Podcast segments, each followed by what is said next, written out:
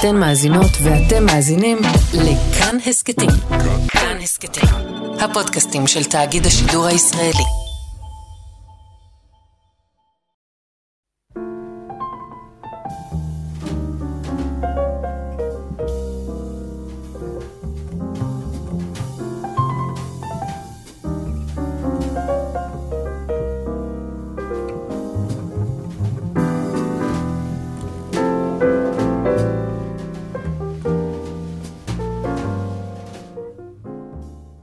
שבת שלום, צהריים טובים, ברוכים הבאים להתבודדות ברדיו כאן תרבות. אני יאיר אסולין, ואיתי השבוע בהתבודדות השבועית שלנו אל בטן המציאות, אה, מאיה ארד יסעור, מחזאית ישראלית, שהמחזות שלה מוצגים בכל העולם, חוקרת נרטיבים. ומי שהמחזה הקצר שלה, איך להישאר הומניסטית אחרי טבח ב-17 צעדים, היה אולי התגובה האומנותית, בטח התיאטרונית הישראלית הראשונה אה, לטבח של השבעה באוקטובר. אהלן, מאיה. היי, יאיר. מה שלומך? שלומי בסדר. אמרת לי מקודם שכבר נמאס לך מהתשובות המתחמקות לשאלה הזו, או שאת... אה, כן, אני קצת מרגישה שאנשים מנסים להיות יצירתיים כבר באיך לענות לשאלה. אז חשבתי, כמו שאני שותה קפה עם חלב רגיל, וזה מאוד מפליא תמיד את המצרים, ו... אוקיי. אני פשוט, שלומי בסדר. זאת אה, האמת. אני, אני מזדהה ממש עם, ה, עם הסנטימנט הזה של ה... בעיניי היום זה כבר כאילו הצורך למצוא תשובה שהיא לא בסדר, או תשובה שהיא כאילו לוכדת משהו יותר עמוק, משהו שהוא... הוא כאילו יש בו מהברי, מין הבריחה מהסיטו, מה, מהמציאות עצמה. כי זו כבר כאילו הפכה להיות המציאות באיזשהו מובן. כן, אני חושבת שזה שאין לנו ברירה אלא להצליח, להצליח לקיים שגרת חיים. ולהרגיש בסדר לפעמים, אפילו שהמצב הוא המצב. זה האמת. וצריך uh, להציג אותה כמו שהיא. לחלוטין. Uh, אני רוצה לפתוח את השיחה שלנו. ב... אתמול הייתי ב... ב... בבכורה שהאופרה הישראלית עשתה לאופרה שלה על פי יצירות של חנוך לוין, גם מערכונים, גם קטעי מחזות, שירים וכולי. ונראה לי מעניין לפתוח את השיחה שלנו ב... בהתבוננות הזאת שלי התחדדה, דרך החיבור הזה בין uh, חנוך לוין, שהוא בסוגריים, אני אגיד, uh, הרזה, החילוני, uh, כזה, לבין האופרה, שהיא בסוגריים uh, הכי, התיאולוגיה הגדולה, העודפות, השפע, כל הדבר הזה שאופרה מייצגת. ויש הרבה מה להגיד, אני חושב, על ההפקה הזאת, ובטח עוד נדבר עליה גם פה בהתבודדות באחת התוכניות בהמשך, אבל משהו אחד שהתחדד לי אה, בתצריף הזה של מערכונים, קטעי מחזות ושירים של חנוך לוין באופרה, זה שכשאתה לוקח את חנוך לוין, את היוצר הזה שהוא באמת, במהות שלו הוא כאילו אנטי-אופרה. במהות שלו הוא כאילו אנטי כל הגרנדיוזיות הזאת שאופרה מייצרת, ואתה שם אותו תחת הזכוכית מגדלת הזאת של האופרה, אתה פתאום מבין, או אני לפחות הבנתי, עד כמה האמירה החברתית שלו, והפוליטית, והקיומית, והזוגית, והתודעתית, עד כמה כל האמירות האלה הן בעצם אמירה אחת גדולה. כאילו, הרבה פעמים אני חושב שיש לנו, אנחנו מחלקים את חנוך לוין, ואני גם, דיברנו על זה פה באחת התוכניות, אני בתקופה האחרונה הייתי עסוק מאוד בטרגדיות שלו. Okay, אוקיי? בשנות ה-80 הוא מעלה רצף של טרגדיות. Mm-hmm. וכאילו יש את הטרגדיות, ויש את המערכונים, ויש את השירים, ויש את האהבה, ויש את כל הדברים האלה. ופתאום שם באופרה ממש הרגשתי איך חברה שבה, אה, כמו שהוא, יש שם את המערכון הידוע שלו, של ההורים שרק עסוקים בלספור את הצ'קים בחתונה, mm-hmm. אוקיי?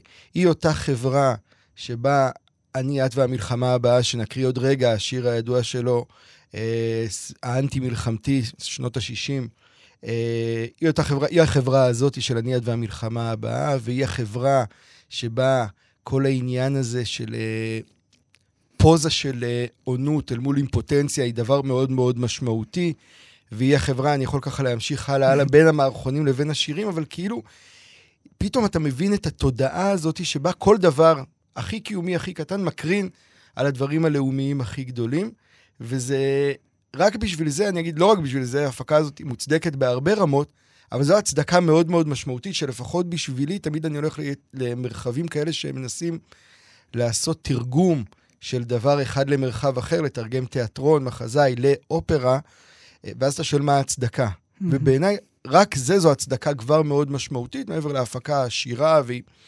בשפע של, של האופרה הישראלית. אני חושב שזו נקודה שככה מעניין אותי לפתוח איתה את השיחה שלנו. אז אתה אומר שזה דווקא המפגש בין ה... בין הגרנדיוזיות הזאת של האופרה כ- כצורה, כצורה אומנותית mm-hmm. לתכנים של לוין, שמציפה את הדברים האלה, המפגש הזה הוא מה לי, שמייצר... לי, לי זה מאוד חידד. אני חושב שגם אפילו בספרים, שנגיד שיצא כל כתביו, אז תמיד המערכונים הם בקרח נפרד, והמחזות הם פה, והטרגדיות הם שם, וכאילו יש איזו חלוקה כזאתי. שדרכה אנחנו כאילו מסתכלים עליו, ופתאום כשאתה מכניס את הכל לסיר אחד, ושם את הזכוכית מגדלת האדירה הזאת של אופרה, אתה פתאום רואה שהכל באמת קשור אחד בשני, כאילו יש שם איזה קו כזה לוינים שהוא עובר כחוט השני בין כולם. ולי זה מאוד מאוד חידד את זה, כן. אני לא, לא ראיתי את זה עדיין, כן? Mm-hmm. אז קשה לי ממש להתייחס, אבל אני מניחה שקודם כל זה קשור גם ל, ל, לקו ה... קו דרמטורגי, מה שנקרא, אבל ל... למארג של, של הטקסטים הספצ... הספציפיים שבחרו שם. כלומר, זה לא בחירה טריוויאלית בכלל ב- לקחת פרגמנטים או מערכונים ולעשות מהם אופרה שהיא בדרך כלל נרטיב גדול. לחלוטין, לחלוטין. אני, אני מסכים לגמרי, אבל אני אומר שכשה... ברור שזה מתחבר לבחירה הנרטיבית, אבל בעיניי מה שרציתי להגיד זה פחות על חנוך לוין או על התיאטרון, אלא על מה חנוך לוין אומר לנו. כי כאילו חנוך לוין לא אומר לנו על זוגיות שהיא באמת, מסת... רק, רק על זוגיות שהיא מסתיימת בשפל, או רק על תאוות אה, דם ורצח של בני אדם, או רק על אה, החמדנות, או רק...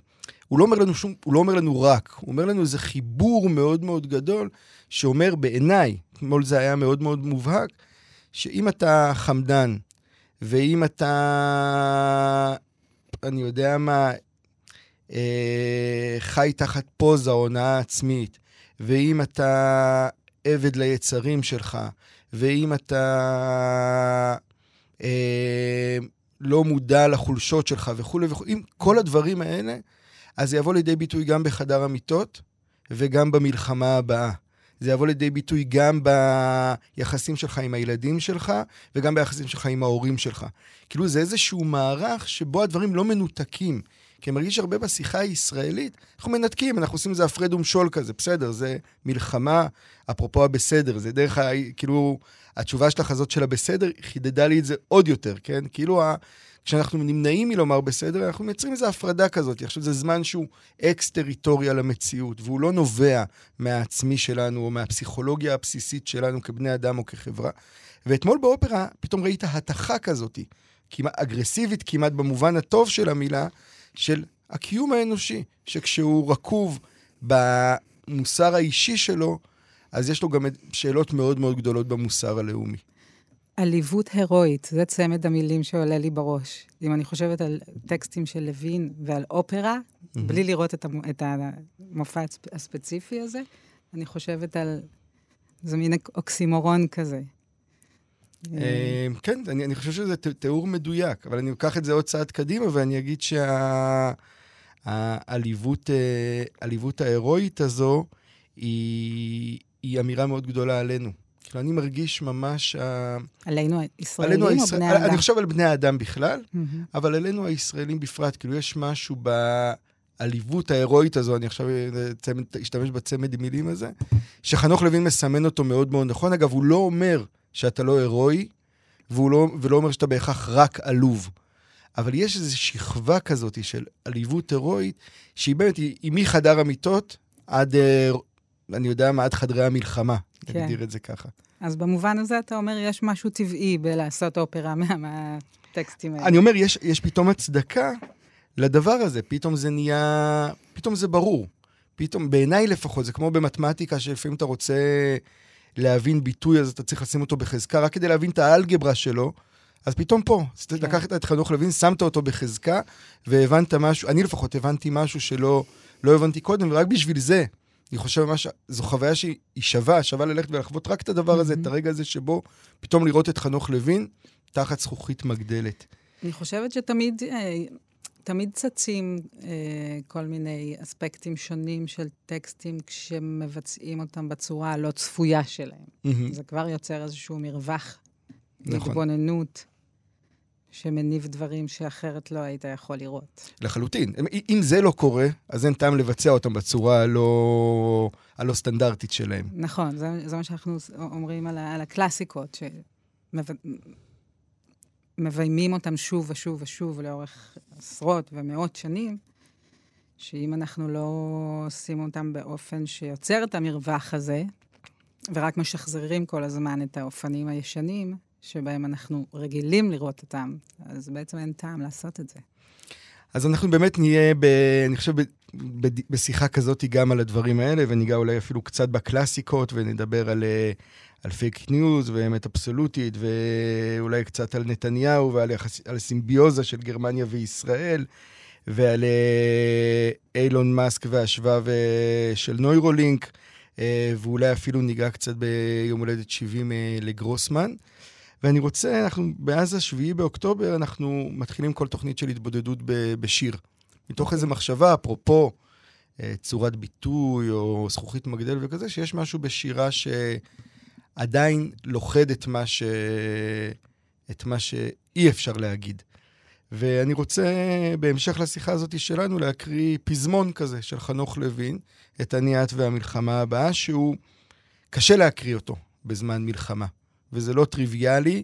אני חושב שצריך לשים, אני לפחות מרגיש צורך לשים את הכוכבית הזאתי, אבל עדיין להגיד שיש משהו בתיאטרון הזה, שהעז להגיד את הדברים האלה, שאולי זו שיחה בפני עצמה, שאולי גם אותה מעניין לעשות, אבל התיאטרון הישראלי כמעט, באמת אני חושב חוץ מהיצירה שלך, כמעט כבר לא מעז לעשות את הדברים האלה, בטח אחרי הטבח והטראומה הגדולה שלו.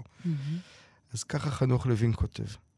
כשאנחנו מטיילים, אז אנחנו שלושה. את ואני והמלחמה הבאה. כשאנחנו ישנים, אז אנחנו שלושה.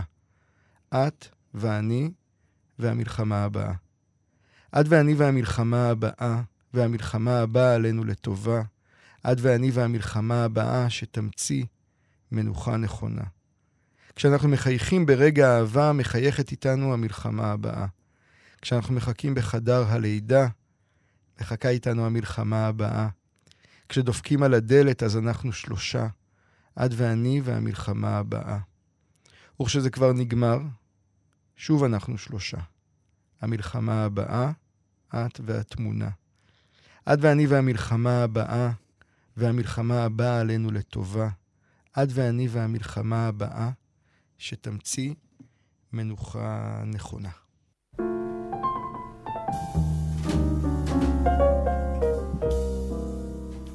אז את רצית uh, לפתוח את השיחה שלנו ולדבר uh, על, uh, קראת לזה אמת אבסולוטית בכל המרחב הזה של הפייק ניוז.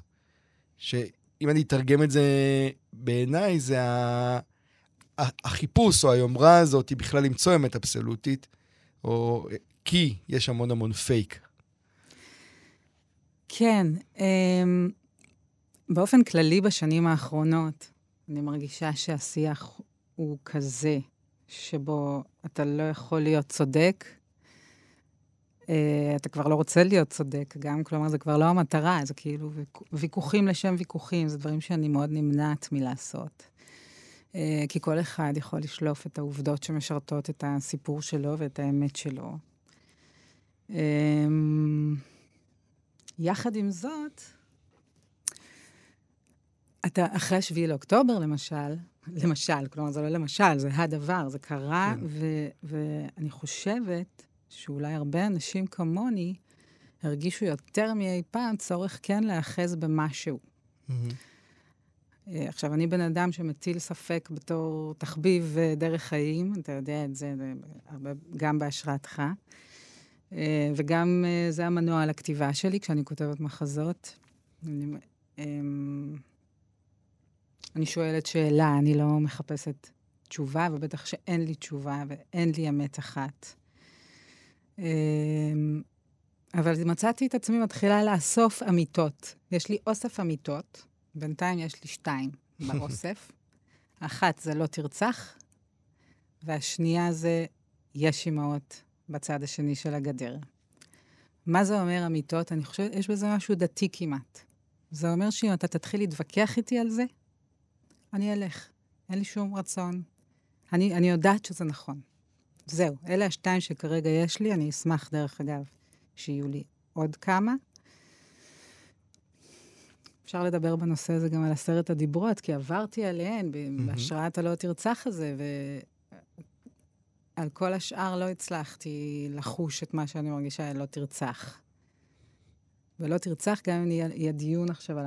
על אם תדבר איתי גם על עונש מוות, אז כמובן שאני יכולה להעלות טיעונים בעד ובנגד, אבל אין לי צורך בכך. לי זה ברור שלא תעשה את זה.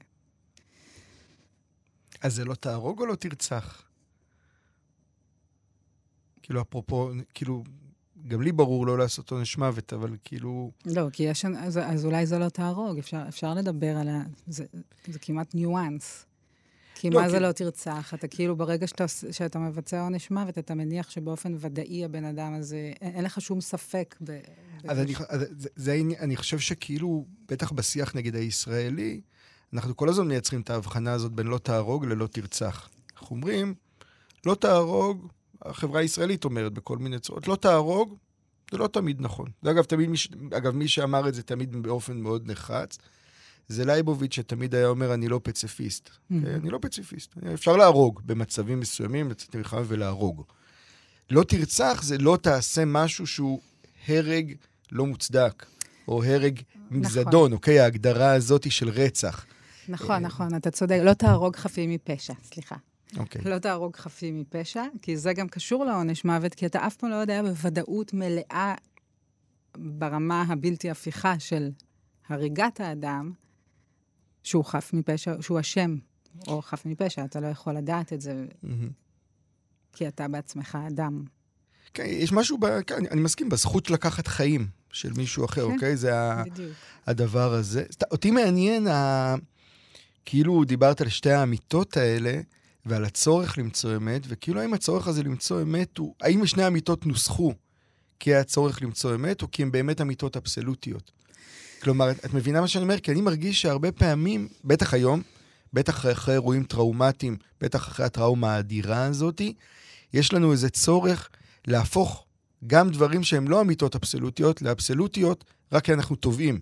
יש לנו צורך להסתכל על הקש הזה או על הקרש הזה במים ולהתעלות עליו ולחשוב שהוא יציל אותנו, גם אם אנחנו נשקע ביחד איתו אולי. עם סימן שאלה בסוף, אני אומר את זה. כן, אני חושבת שהכל, אנחנו אומרים פה הכל עם סימני כן. שאלה בסופו של דבר. אמ, האמיתות האלה שאני מחפש, אני, אני לא יודעת אם יש לעולם אמת אבסולוטית, כנראה שלא. Mm-hmm. אבל לכן הקדמתי ואמרתי שיש בזה משהו שדומה לאמונה. אוקיי. Okay. אני, אני מאמינה בשני הדברים האלה, ו... אבל אז למה לא לקרוא לזה אמונה? למה, כאילו, כי אני חושב, שוב, זה עוד דבר שאנחנו מדברים עליו גם לא מעט פה בהתבודדות, שכאילו המושגים האלה, הרליגיוזיים, או הפנימיים יותר, כאילו הופקעו מאיתנו. כאילו לא נעים לנו להגיד, יש לי, יש לי אמונות שאני מחזיק אותן. זאת אומרת, יש לי אמיתות.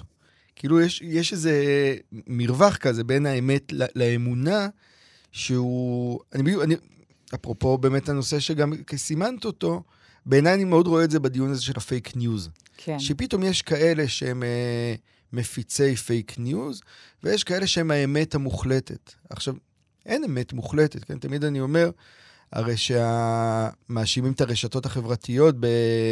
שהפייק ניוז שלהם יוצר, אה, הורס את העולם. כן. הורס את העולם. וה... ויש בזה משהו נכון, כן? כאילו, צריך להתמודד עם הפייק ניוז ברשתות. אבל מי שאומרים את זה, רק אתמול או שלשום היה שימוע בקונגרס למנכ"לים של החברות האלה, של פייסבוק, של אה, טיק טוק וזה.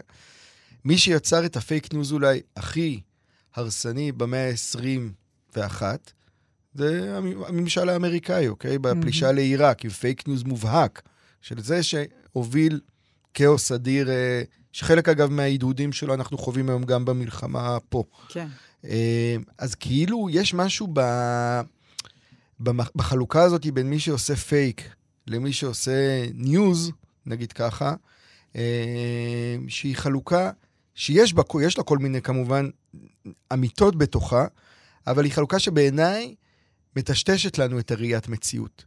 כי אני חושב שיש משהו יותר חזק או יותר נכון בלהגיד, בן אדם, תדע לך שרוב מה שמסביבך הוא פייק ניוז.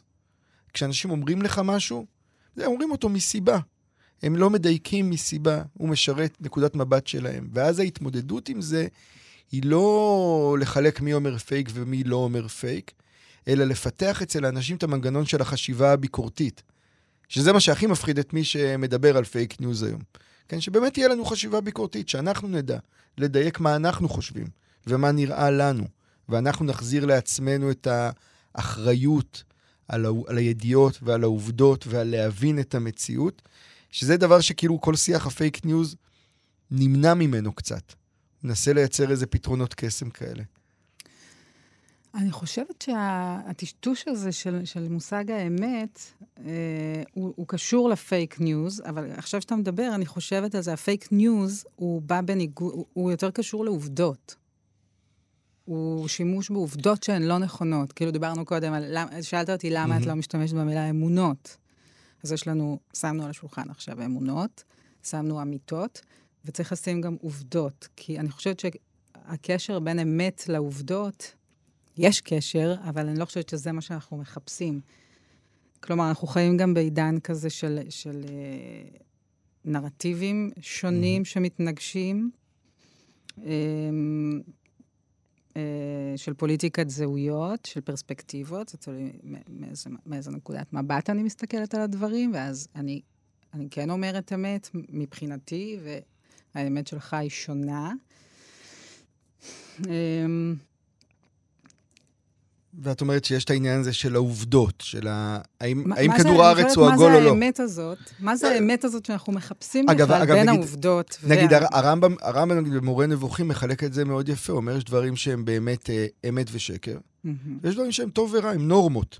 אגב, הוא מס, מסמן שם, זה ממש בפתיחת הספר הפילוסופי הגדול שלו, מורה נבוכים, בפרק ב' שם הוא מתאר שהעונש האמיתי שאדם וחווה קיבלו מאכילת עץ הדת, זה שהם נפלו מעולם של אמיתות, אמת ושקר, לעולם של נורמות, של טוב ורע, ובגלל זה אז הם התלבשו, בגלל זה הם עשו את כל התהליכים האלה שהם תהליכים נורמטיביים, mm-hmm. לא תהליכים, לא חייבים להיות עם בגדים. נורמטיבית צריך להיות uh, עם בגדים. Uh, אבל מבחינתו זה העולם שאנחנו חיים בו. אנחנו חיים בעולם שיש בו אמיתות, ומסביב כדור הארץ עגול, הוא אומר, הוא מדבר שם כל מיני דימויים כאלה, אבל uh, בסוף אנחנו חיים בעולם של נורמות, שגם האמיתות עוברות תחת ה... המשקפיים של הנורמה, של הטוב ורע. אנחנו חיים בעולם שהוא הרבה יותר יחסי, רלטיבי, בתוך, ה... בתוך המושגים האלה. ואני מרגיש שכאילו יש משהו בשיח הפייק ניוז שמנסה להתכחש לזה. קודם כל נסכים על זה, שהעולם שלנו הוא יחסי בהגדרה. כן.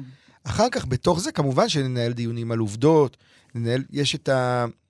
בטקסט הסופר מפורסם של עמנואל קאנט, כן, של מהי נאורות, אז מה זה מבחינתו נאורות? ואסיסוף קלרונג? מבחינתו נאורות זה האחריות של האדם על מה שהוא יודע, על מה שהוא מבין, על מה שהוא חושב, על החיבור שלו עם העולם. הפקענו הרבה מה... דרך, שוב, דרך המהפכה התעשייתית, ועכשיו דרך המהפכה הטכנולוגית, הדיגיטלית, הפקענו הרבה מהאחריות שלנו למה שאנחנו חושבים ויודעים. הם, הם חושבים ככה, הושפענו מהרשתות. יש לכל אדם אחריות על מה שהוא חושב ועל מה שהוא מבין, וזה חינוך שצריך לחנך אותו, חינוך לאחריות על מה שאתה חושב. כן, ולא אבל... רק חינוך ללהאשים את האחר, כאילו, את הרשתות. הרשתות הן מייצרות את מה שהן מייצרות. השאלה היא איזה אמצעים יש לאדם לחפש אחר האמת. כלומר, אתה נתת כדוגמה את כדור הארץ הוא עגול. אין לנו דרך אלא להתבסס על המדע, כמו שהילרי קלינטון אמרה, I believe in science, היא השתמשה במילה mm-hmm. believe. Mm-hmm. גם המדע, אני... ז, זאת החלטה.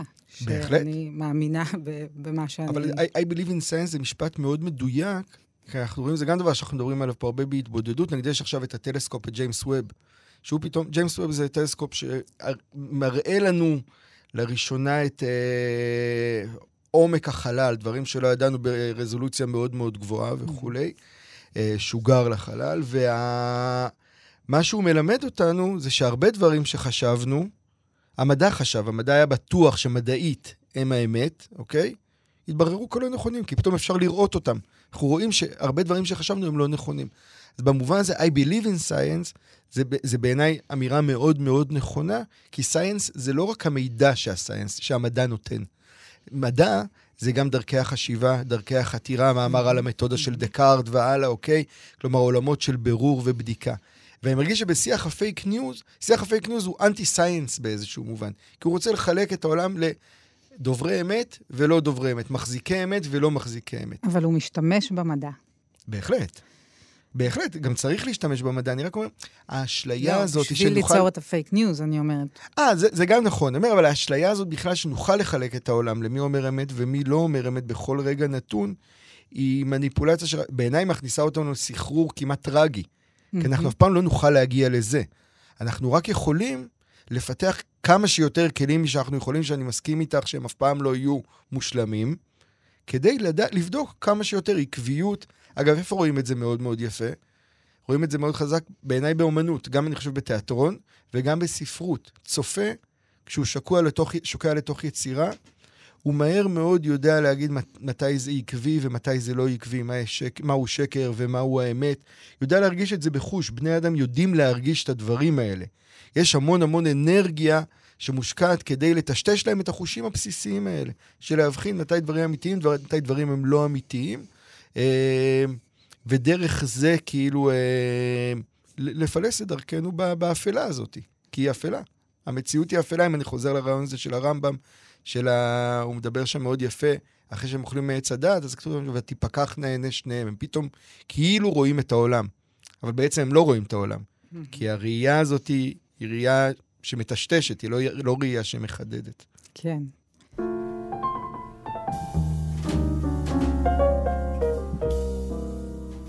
ממש אני חושב, מבחינתי לפחות, באיזשהו המשך לשיחה הזאת, אני רוצה לדבר על איזושהי מחשבה ש... שהיא כאילו מחשבה פוליטית, אבל בעיניי היא מחשבה ספרותית לגמרי, והיא על uh, כל הדיון הזה סביב uh, ראש הממשלה נתניהו, והדיבור הזה שייקח אחריות, לא ייקח אחריות, uh, יתפטר, לא יתפטר, יעשה דברים נגד הקואליציה שלו כי צריך וכולי. וזה איזושהי שיחה שלמה שבני אדם עושים אותה לפעמים, אבל היא כאילו, היא כמובן מהצד, היא תמיד מהצד שלא מעריך את נתניהו, אוקיי? בהגדרה. אבל עדיין מצפה ממנו להיות, בעיניי, סוג של גיבור שהוא לא. אוקיי? יש איזו ציפייה כזאת שהוא יעשה דברים נגד האינטרס שלו, נגד האנושיות שלו, נגד ההישרדות הפוליטית שלו. כאילו שאנחנו מסתכלים על, פוליט... על, על הפוליטיקאי, וכל הזמן אנחנו מלהגים על אה, איך הוא עדיין פוליטיקאי. וכל פעם כאילו יש איזה, מצד אחד אתה אומר, אתה מיואש ממנו מראש, מצד שני אתה מתאכזב ממנו כל פעם מחדש. וסתם מעניין אותי בדיבור בינינו, ואת, כשאת גם באמת עסוקה בלספר סיפורים ובנרטיבים ובכלל, איך את רואה את המנגנון האנושי הזה, שאני חושב שרואים אותו הרבה, אגב, באמת, באומנות, של. של איזו התעלמות ממה שאנחנו כבר יודעים, כן? זה כמעט הטרגדיה הזאת, אוקיי? אתה יודע משהו על מישהו. אתה יודע שאין מה לצפות ממנו שהוא ינהג אחרת, ועדיין משהו במנגנון הפנימי דוחף אותך לכל פעם מחדש כאילו להתאכזב, כאילו לצפות ולהתאכזב באיזה מנגנון אינסופי כזה, שהוא טרגי במובן הזה שאי אפשר לצאת ממנו. כי מלכתחילה הוא לא, הוא לא אמיתי. כן, אני חושבת שזה נושא ש... שעולה באופן ישיר מהנושא הקודם. כלומר, mm-hmm. חצי, לא יודעת אם חצי, אבל חלק גדול מהעם הזה מספר לעצמו סיפור אחד, והחלק הגדול מספר סיפור אחר. לא, אבל אני שואל על אלה שמספרים את הסיפור נגד הבן אדם, כן. שהם לא בעדו, אבל הם עדיין כל הזמן מאוכזבים ממנו, כמות המלל. כי לפי הסיפור שלהם, זה לא הגיוני שזה לא יקרה. אבל okay. זה, אוקיי. הסיפור, זה לפי הסיפור שלהם, הם הולכים עם נרטיב אחד מסוים ואומרים, לפי הנרטיב הזה, ובנרטיב יש סיבה לפי ומסובב, לפי הסיפור שלהם שככה פוליטיקאי אמור לנהוג. שהמציאות אמורה הייתה להביא, 7 לאוקטובר זה מאורע מחולל ענק. Mm-hmm. כלומר, זה משהו שעכשיו היה, לפי הסיפור שלנו, צריך לקרות פה משהו מתבקש. כן, אירועים, אירועים כאלה. מבחינת... זה, אירוע, מבחינה, זה אירוע שיש לו אה, תוצאה. אה, מבחינה תיאטרלית כמעט, אוקיי? תיאטרונית, הנרטיבית. כן, אירועים, אירועים בסדר גודל הזה, הם האירועים שמשנים חיים של בני אדם? ב... כאילו, אני מנסה לחשוב אפילו על תיאטרון. זה, תראה, יש, יש את המושג של מאורע מחולל. שזה, נכון. זה מאורע בחיי הדמות שמפר את האיזון שבו היא כן הצליחה לחיות יותר טוב, מהמם. פחות טוב, עד הרגע שבו המחזה פורץ. מהמם. עכשיו, מה שקורה פה זה שיש, מה זה מאורע מחולל? מאורע מחולל שאף אחד לא דמיין בכלל שיכול לקרות. והדברים ממשיכים כמו שהם, וזה לא, פשוט לא הגיוני, לפי התפיסה הזאת. אבל זה לא, זה לא קורה הרבה פעמים. אני אומר, גם בתיאטרון, שיש את המאורע המחולל, וכאילו אמור לקרות השינוי, אבל הוא לא קורה. כאילו ראינו את המציאות, עכשיו על הטרגדיה היוונית, במהות שלה. המאורע המחולל שם הוא בתחילת הטרגדיה. אתה יודע כבר מה יקרה בסופה. מגלים לך את הסוף של הסיפור. ועדיין חיים חיים שלמים של בריחה ממה שאתה כבר יודע ממילא שהוא כזה. בריח, בריחה זאת? פעולה, בריחה זאת פעולה, מהמם. פה אין פעולה. את לא מרגישה, לא מרגישה שיש פה איזה סוג של בריחה? של מי? ש- של שני הצדדים, כל צד לצד שלו, צד אחד שמתעקש לנהל את השיחה האינסופית הזאת, אוקיי?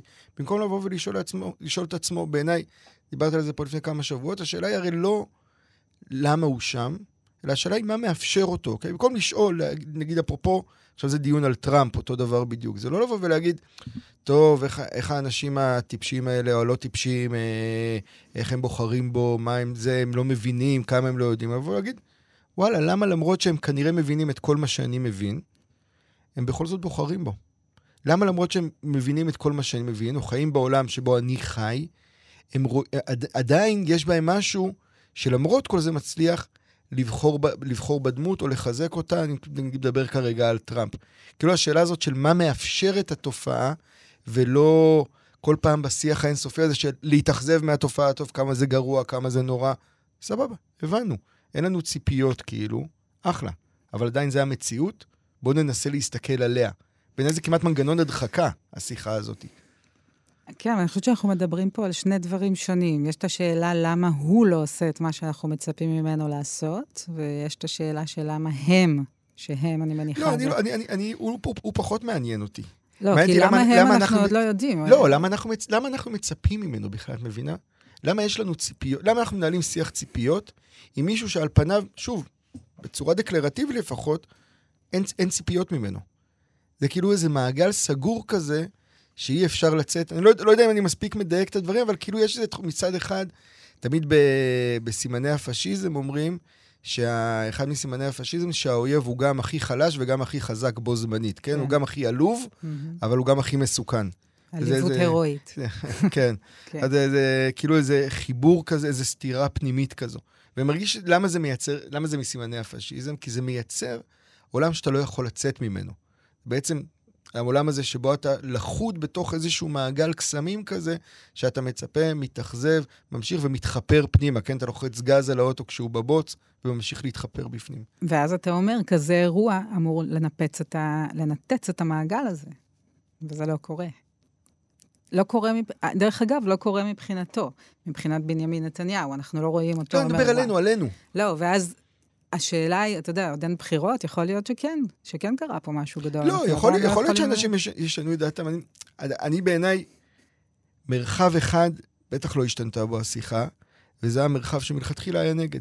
היה נגד השלטון שלו וכולי, אבל לא השתנתה בו השיחה, גם במ- במובן שצריך להחליף אותו, שזה ברור למה לא השתנתה, אבל לא השתנתה בשיחה גם במובן שלה כל הזמן לצפות ממנו ולהתאכזב, כן? האם הוא לקח אחריות, לא לקח אחריות, כאילו, זה שיח שאתה... למה ציפית שהוא ייקח אחריות? הרי אתה שנים אומר לנו שאין סיכוי שהוא ייקח אחריות, אז מה, מה הציפייה הזאת? זה איזשהו מנגנון כזה, אגב, שהוא הוא בעיניי מנגנון ספרותי של הרבה פעמים אנחנו מתכחשים, בעיניי זה הדבר המעניין, מתכחשים למה שאנחנו כבר יודעים מראש, כן, ואנחנו ממשיכים לנהל איזה כאילו עולם של הונאה עצמית כזאת כן, סגורה. זה- זה הטרגדיה. כן.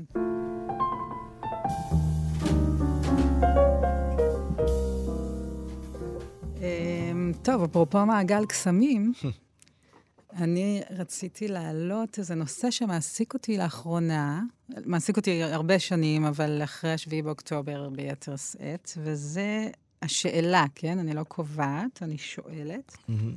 האם יש יחסים סימביוטיים בין גרמניה וישראל? שרק נגיד שאלה שני מרחבים שאת חיה אותם ביום-יום, אה, מאוד אינטנסיבי, גם המחזות שלך מוצגים בגרמניה, את, את, את חיה על, על, גם על הציר הזה באיזשהו מובן. באיזשהו מובן אני חיה על הציר הזה, המחזות שלי מוצגים שם הרבה. אמ, עכשיו חזרתי מביקור בברלין של כמה ימים, וחששתי מאוד לנסוע, כי כשהייתי בארץ מ-7 באוקטובר עד אה, ינואר, mm-hmm. זה הרבה זמן ש... לצפות בגרמניה רק דרך הפריזמה של החדשות הישראליות. זה היה קצת מעורר דאגה, לנסוע לבד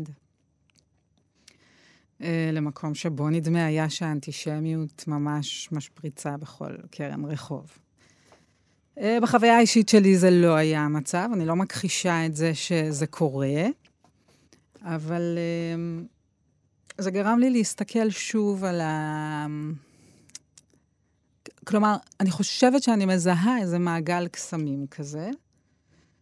אם אני, אני, אני חושבת על גרמניה, נגיד בשלוש רמות, אוקיי? יש את הקהילה היהודית, והקהילה היהודית, כמובן שהתת-מודע שלה מתער, מתעורר, הקולקטיבי, אה, נוכח אירוע כמו השביעי באוקטובר. Mm-hmm. ויש את הממשלה, שהיא... אה, זאת מדיניות ארוכת שנים שלה לגונן על הקהילה הזו. Mm-hmm. ויש את הרחוב, והרחוב מתחלק לשניים, כרגע, אל מול מה שקרה. Mm-hmm. אל הפרו-פלסטינים והפגנות כן. שהרבה פעמים גולשות למקומות... אנטישמים. אנטישמים, ויש את האנשים היותר שמרנים, אני חושבת שזה גם תלוי גיל וקרבה אה, טמפורלית לשואה, אה, שהם כאילו לנצח יהיו כן. פרו-יהודים, לא משנה מה. עכשיו, אה, הביקורת על ישראל, מהצד הפרו-פלסטיני, מתקשרת ישירות לאנטישמיות. האנטישמיות הזאת מצדיקה, מהווה הצדקה, ואני לא נכנסת לשאלה אם זה בצדק או שלא בצדק. זה, אני חושבת שזאת ש, ש, שאני חושבת שזה קשר ישיר, שאנטישמיות אה, מהווה הצדקה לתגובות הצבאיות של ישראל. התגובות הצבאיות האלה מעוררות את הביקורת על ישראל, והביקורת על ישראל מביאה לאנטישמיות, והאנטישמיות חוזר חלילה. Mm-hmm. אנחנו קצת משתמשים בזה. אה, יש השפעה על שתי הקהילות. אבל, אבל, אבל נגיד השיח הזה, השיח ה... זו שאלה שאני... הרבה פעמים אנחנו מדברים על גרמניה, וגרמניה... כאילו, קודם כל באמת, אני חושב, מהתקופה שלך הייתי במינכן, אתה לומד שאין גרמניה אחת. רק שגרמניה ברמה המשפטית הפוליטית, כן, היא פדרציה של מדינות, mm-hmm. אוקיי? עם תפיסות שונות, עם הסתכלויות שונות. בטח בקו הזה השקוף, אבל עדיין מאוד נוכח בין uh, מערב גרמניה למזרח גרמניה. בטח בשכבה הזאת של בין uh, מהגרים.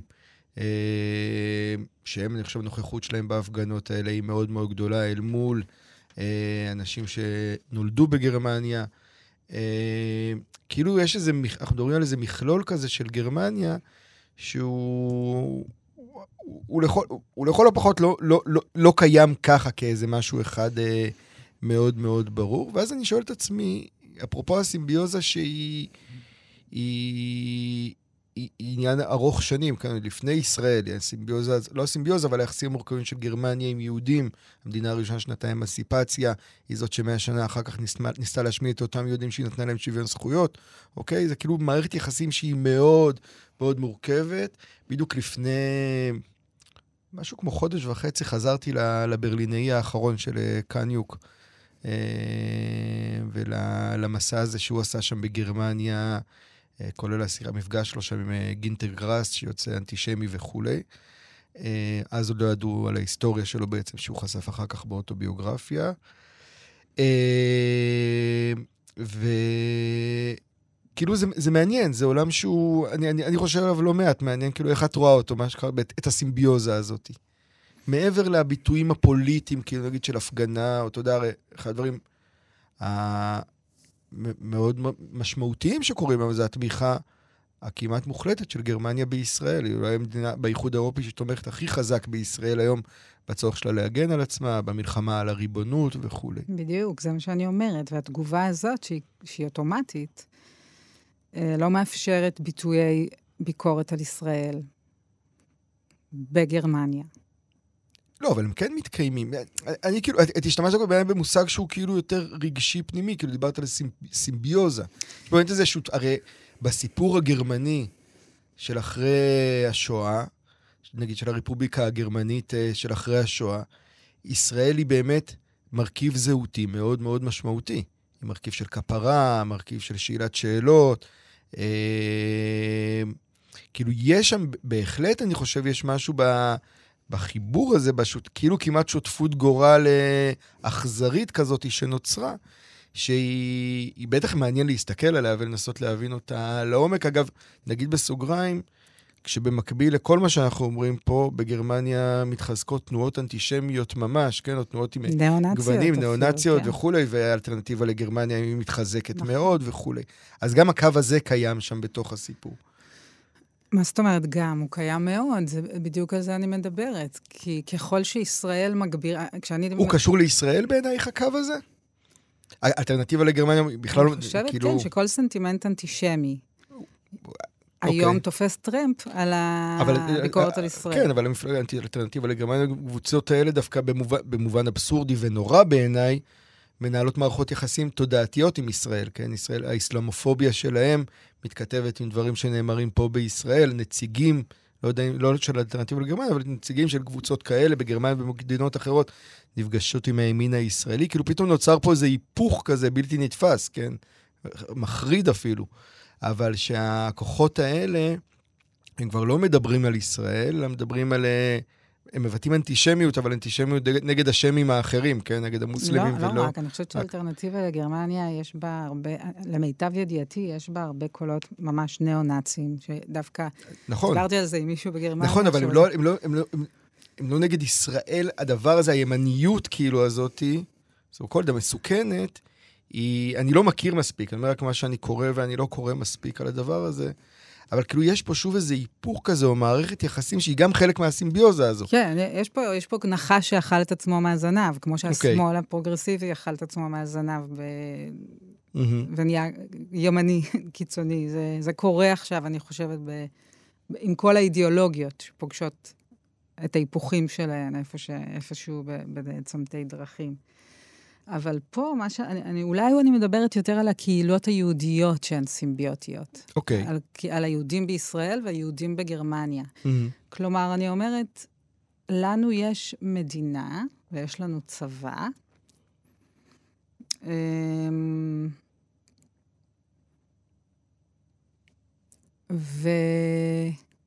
ואנחנו לא במצב של חוסר אונים. אבל איכשהו אנחנו משתמשים בחוסר אונים הזה של היהודי בגולה, mm. שאני לא שופטת אותו, זה הסיפור שלהם. יש mm-hmm. להם את הסיפור שלהם, שהוא היה הסיפור שלנו והוא לא עוד. או לא אמור להיות יותר, אבל אנחנו משתמשים. יש איזה, אין לנו ארץ אחרת, אז יושב על זה. עכשיו למשל, עם כל, כל התגובות האנטישמיות, אחרי הטבח, יש הצדקה לכך שהנה, אתם רואים, אין לנו ארץ אחרת. אנחנו... אה, מעניין. כאילו, דווקא... אז כאילו בעצם מדברת על הסימביוזה המסוימת, שהיא בוודאי קיימת והיא מורכבת, בין היהודי לישראלי. בין, בין, היהודי. בין היהודי הזה שהוא לא ישראלי, שהוא רק יהודי. נכון. לבין הישראלי, שהוא אגב לא רק יהודי, אבל הוא ישראלי. נכון, והיהודי בגולה, הוא צריך את ישראל חזקה, הוא צריך את ישראל אה, מסוגלת להגן על עצמה, כי היא, ואת זה אומרים mm. כבר הרבה שנים, כבר, הביטוח של, של יהודי הגולה, כן. תעודת הביטוח. אבל במובן מסוים דווקא, אני חושב על זה גם לא, לא מעט, ואני חושב גם, דיברנו על זה פה לא מעט בהתבודדות, דווקא במובן הזה, השביעי באוקטובר, הטבח הנורא הזה, קצת שמט את הקרקע, תחת, מתחת לתעודת הביטוח, כן? פתאום אתה מסתכל מהצד. אתה לא בטוח איפה יותר בטוח להיות, מבחינת ביטחון ברמה הכי בסיסית. כן. ואז זה מערער הרבה מההבטחה הזאת, או מהמערכת יחסים הזו, ומעלה שאלות, שהן בעיניי שאלות בכלל, מערכת יחסים בין ישראלים ליהודים, שהם... Uh, הטעות המושגית שאנחנו עושים זה שתמיד אנחנו איכשהו דוחפים אותם ביחד, אבל הם שני סיפורים שונים לחלוטין. זה מה שאני אומרת, שזה לא סיפור אחד, ואולי כדאי להפריד את שני הסיפורים האלה לטובת שתי הקהילות. זה, מה, זה המחשבה שיש לי מאז השביעי באוקטובר.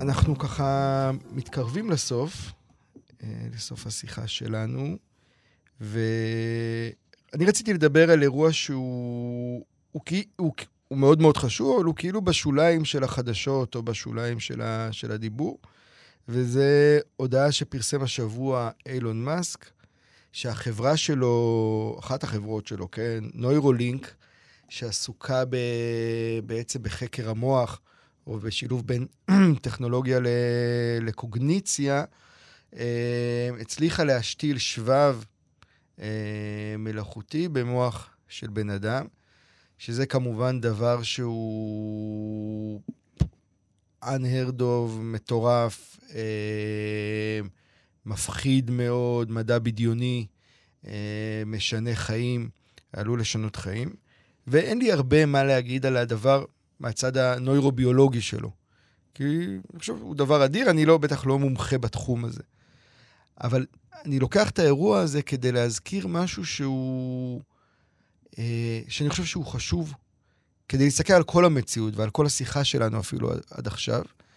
וזה עד כמה הזמנים שאנחנו חיים בהם, הקונטקסט הרחב, לא רק בהקשר הישראלי, בהקשר העולמי, הקיומי, עד כמה הם... אה, עד כמה זמנים גדולים, ועד כמה זמנים בהם החיים שלנו פשוט משתנים באופן בלתי נתפס. דברים שלא יכולנו להעלות על הדעת עד לפני מעט מאוד זמן, פתאום הופכים להיות אה, דבר שקורה, שמחייב אותנו כבני אדם, זה כאילו לתת את ה...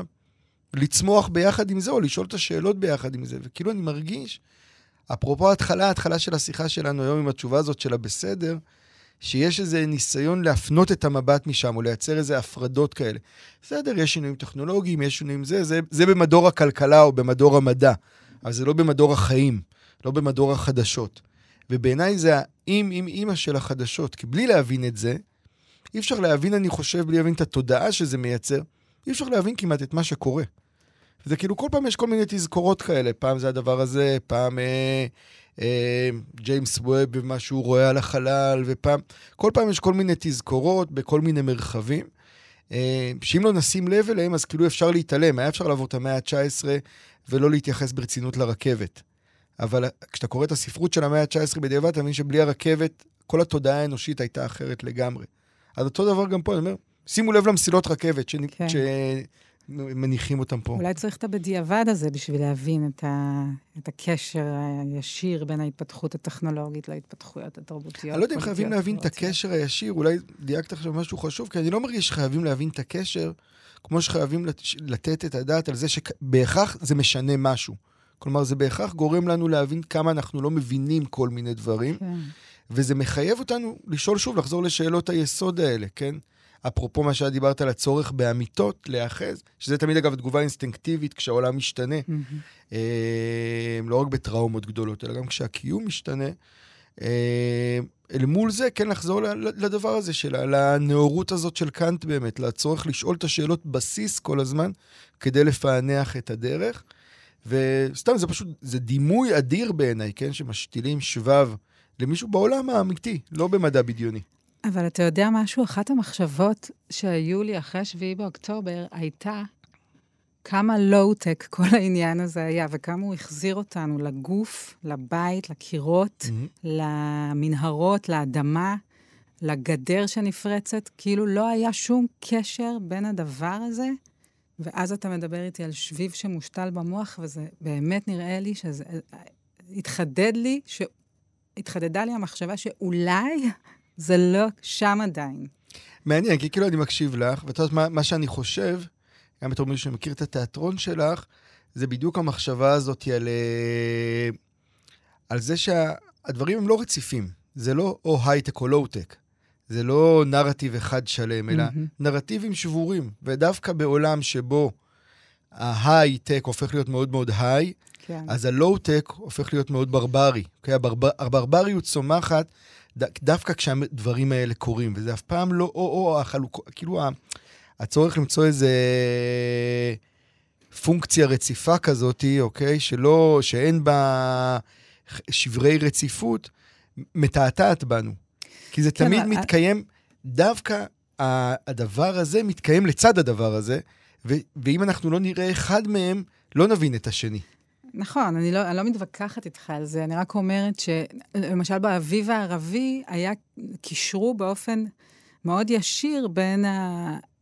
האפשור, שהטכנולוגיה אפשרה לזה לקרות. ופה כאילו לא הייתה בכלל טכנולוגיה אה, לא מעורבת. בגלל זה, בגלל זה בעיניי הדיון על הטכנולוגיה, הוא אף פעם לא על הטכנולוגיה. כן. הוא על התודעה האנושית. כשאתה קורא מדאם בובארי של אה, פלובר, אתה לא קורא על המהפכה התעשייתית. אתה מהמם. קורא על איך היא משנה את התודעה נכון. של האדם, ואיך פתאום נולד בן אדם אחר. כשאתה קורא את אבות ובנים של טורגנייב, או אתה קורא ויקטור הוגו, לא משנה, או תומאס מן לקראת סוף המאה ה-19, תחילת המאה ה-20. אתה קורא איך תודעות משתנות, כאילו, אתה קורא צ'כוב, איך העין, פשוט העיניים שלהם משתנות, האופן שבו הם רואים את המציאות. ואני חושב שה... רוב המציאות כנראה צריכה את הפרספקטיבה ואת הבדיעבד כדי להבין. אבל אני חושב שמי שעסוקים בלפענח את המציאות, שזה השיחה שאני מנהל, השיחה שאנחנו מנהלים, השיחה שכל אחד מאיתנו מנהל בנפרד, אה, אז כן, צריך לסמן את זה ולראות. כי בלי הקונטקסט הזה, שבכלל המילה קונטקסט הפכה להיות מילה בעייתית, בעייתית, כן. למרבה האימה, כי היא מילה מאוד מאוד חשובה. מהמם. אה, בלי הקונטקסט הזה, כאילו, אז אתה, אתה נמצא באיזו אפלה מוחלטת כזו, שקשה מאוד מאוד לצאת ממנה.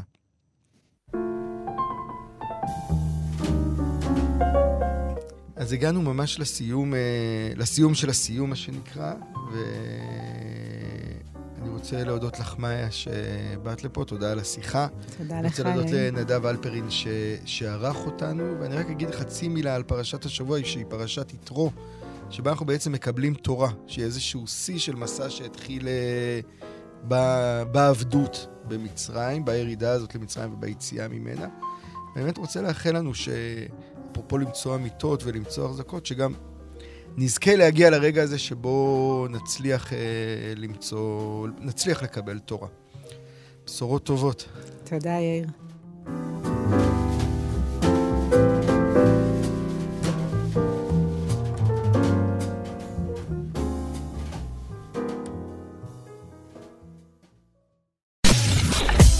אתן מאזינות ואתם מאזינים לכאן הסכתים. כאן הסכתים, הפודקאסטים של תאגיד השידור הישראלי.